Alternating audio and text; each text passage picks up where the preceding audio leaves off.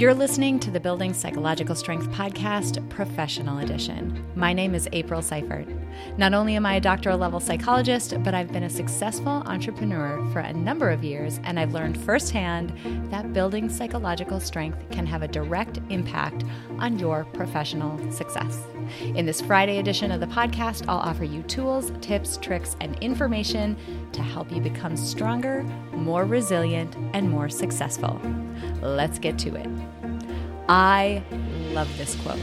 Feedback, when given well, should not alienate the receiver of the feedback, but should motivate them to perform better. Welcome back, friends, and happy Friday. I love recording these episodes because I know it means we are going to be celebrating the weekend. So that's always awesome. And I want to send you into the weekend this week by talking about a topic that can be sort of difficult for a lot of us.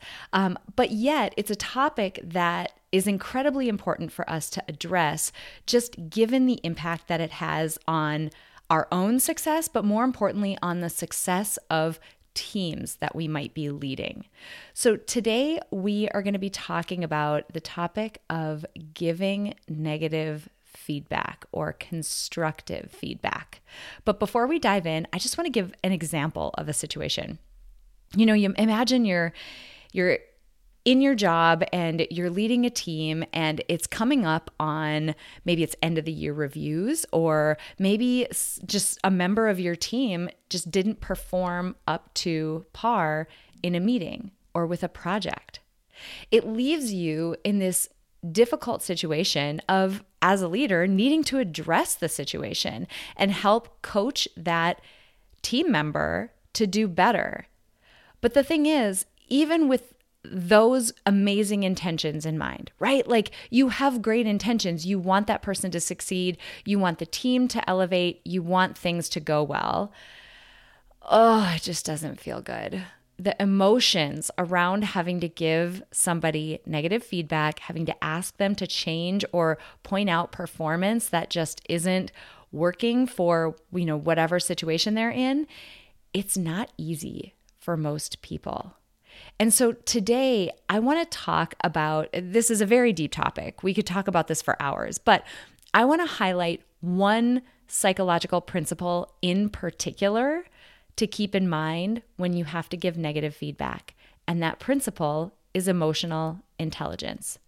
Now, when we think about emotional intelligence, there's actually a bunch of components to it, but five in particular. But I'm going to highlight two today because these two, when you really dig into them, are two of the factors that really come into play when we're in these difficult situations where we're having to deliver a message that might not be well received or might come out of the blue for that team member who's on the receiving end.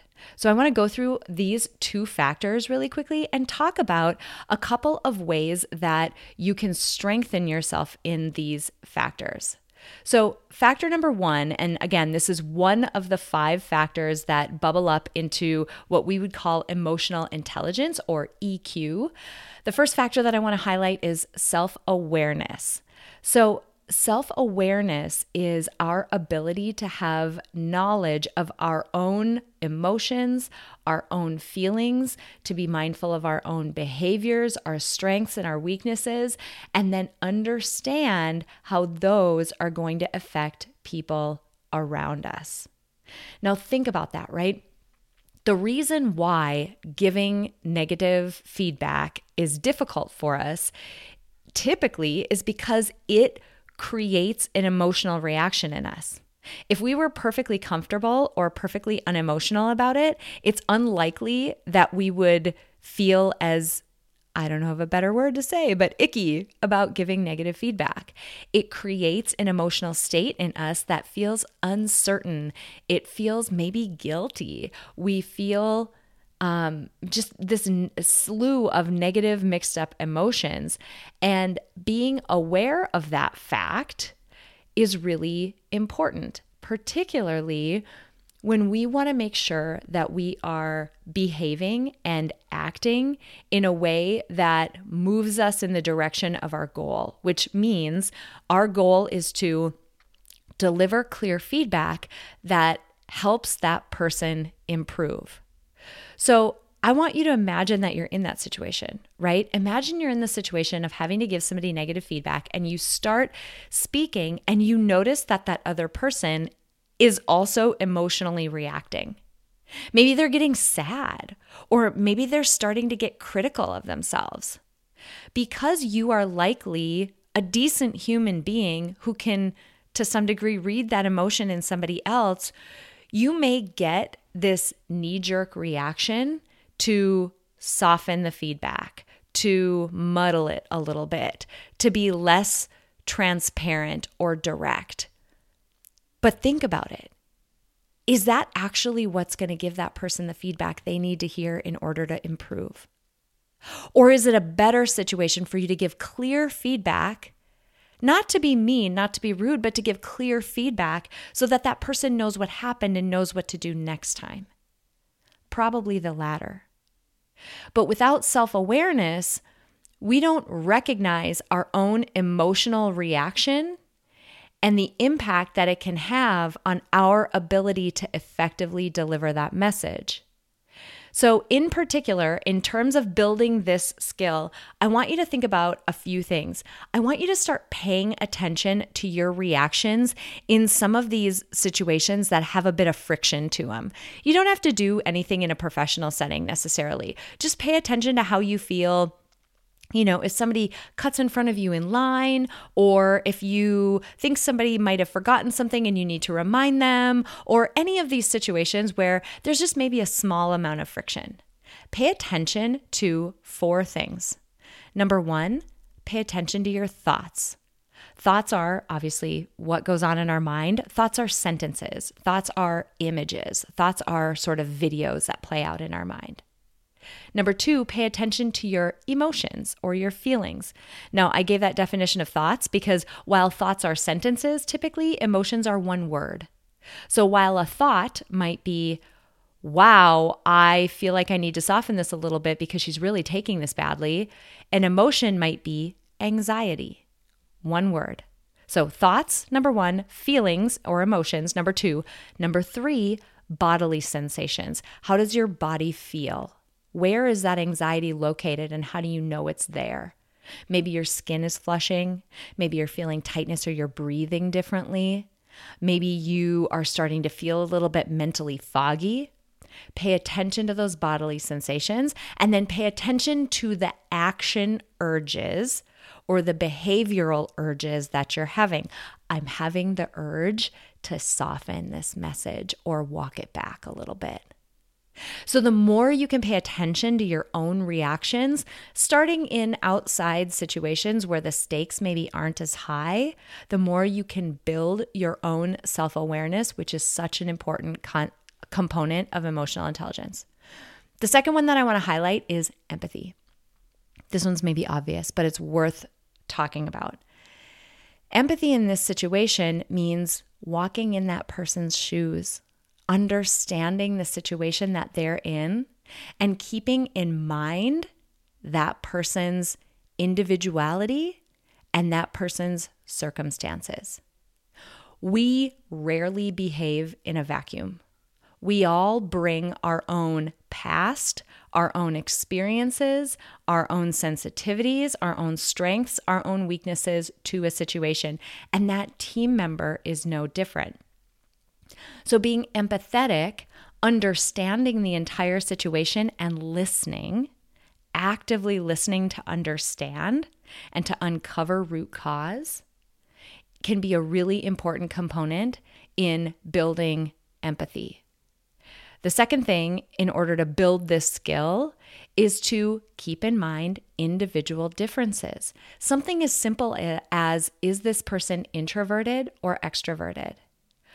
Is this person, I love this example, is this person an ask communicator or are they a tell communicator? Meaning, are they the type of person who needs to be asked a question in order to volunteer information? Or are they the type of person who just will tell you what's on their mind? I'll just side note I'm a tell communicator and my husband is an ask communicator. You have no idea just how much of a breakthrough it was in our relationship when we realized that difference between us. So, in a professional setting, same deal. What type of a communicator is that person that helps you direct that com- conversation in a much more empathetic way? Because no two people are alike. And if you can tailor that feedback experience to that person, it's going to make it so much more effective. You know, as a leader, just to kind of sum things up, your goal is likely because you're a great person, I'm sure, your goal is to get the best out of your team. Your goal is to help people develop in their own skills. And sometimes, unfortunately, that means having to deliver some tough feedback. And if you do that intelligently, emotionally intelligently, you're much more likely to have the impact that you want. One other quick thing that I want to mention if you're listening to this and you're like, yes, I'm down with this emotional intelligence thing, I want to offer you a quick resource. My very good friend, Rich Brocken, is a keynote speaker and he is an expert, an absolute expert in the area of emotional intelligence. His website is richbrocken.com. I'll link it down below in this episode description so that you've got it. If you ever are in need of someone who can come in and educate a team or just provide content or information on emotional intelligence, whether it's you know, to do with situations where negative feedback might come into place or the myriad of other situations where it comes into play in a professional setting, I couldn't recommend somebody more highly. So, Rich Brocken, great resource. Wanted to make sure that I mentioned him and shout him out on this episode because this is so squarely in his wheelhouse.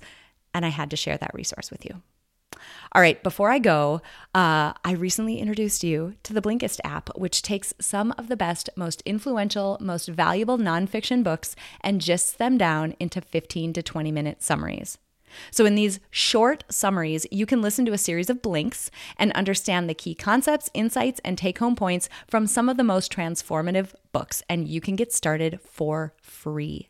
So, if you liked this episode, might I suggest listening to the 10 minute blink, 10 minutes, that's it, of the book Emotional Intelligence 2.0. It's on the Blinkist app.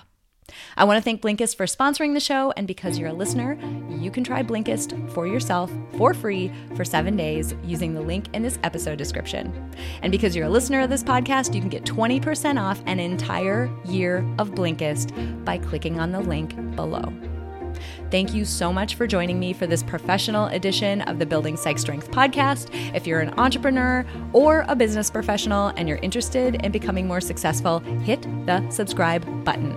And do share this with others who might benefit from this content. Until next week, be strong, friends, be resilient, and be successful.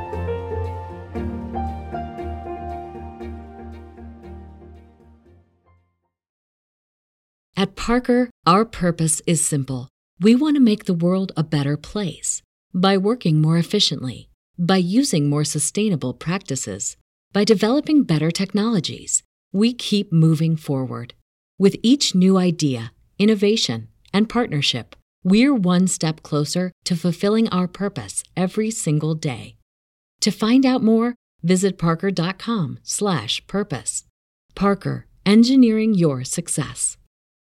Swimsuit? Check. Sunscreen? Check. Phone charger? Check. Don't forget to pack the 5 Hour Energy. It fits great in a pocket or carry on, and the alert feeling will help you arrive ready for anything. Now get 20% off when you use code 5HE Travel at 5hourenergy.com. Expires April 30th. One time use only, not valid with other discounts. Remember, visit 5hourenergy.com and use code 5HE Travel to save 20%.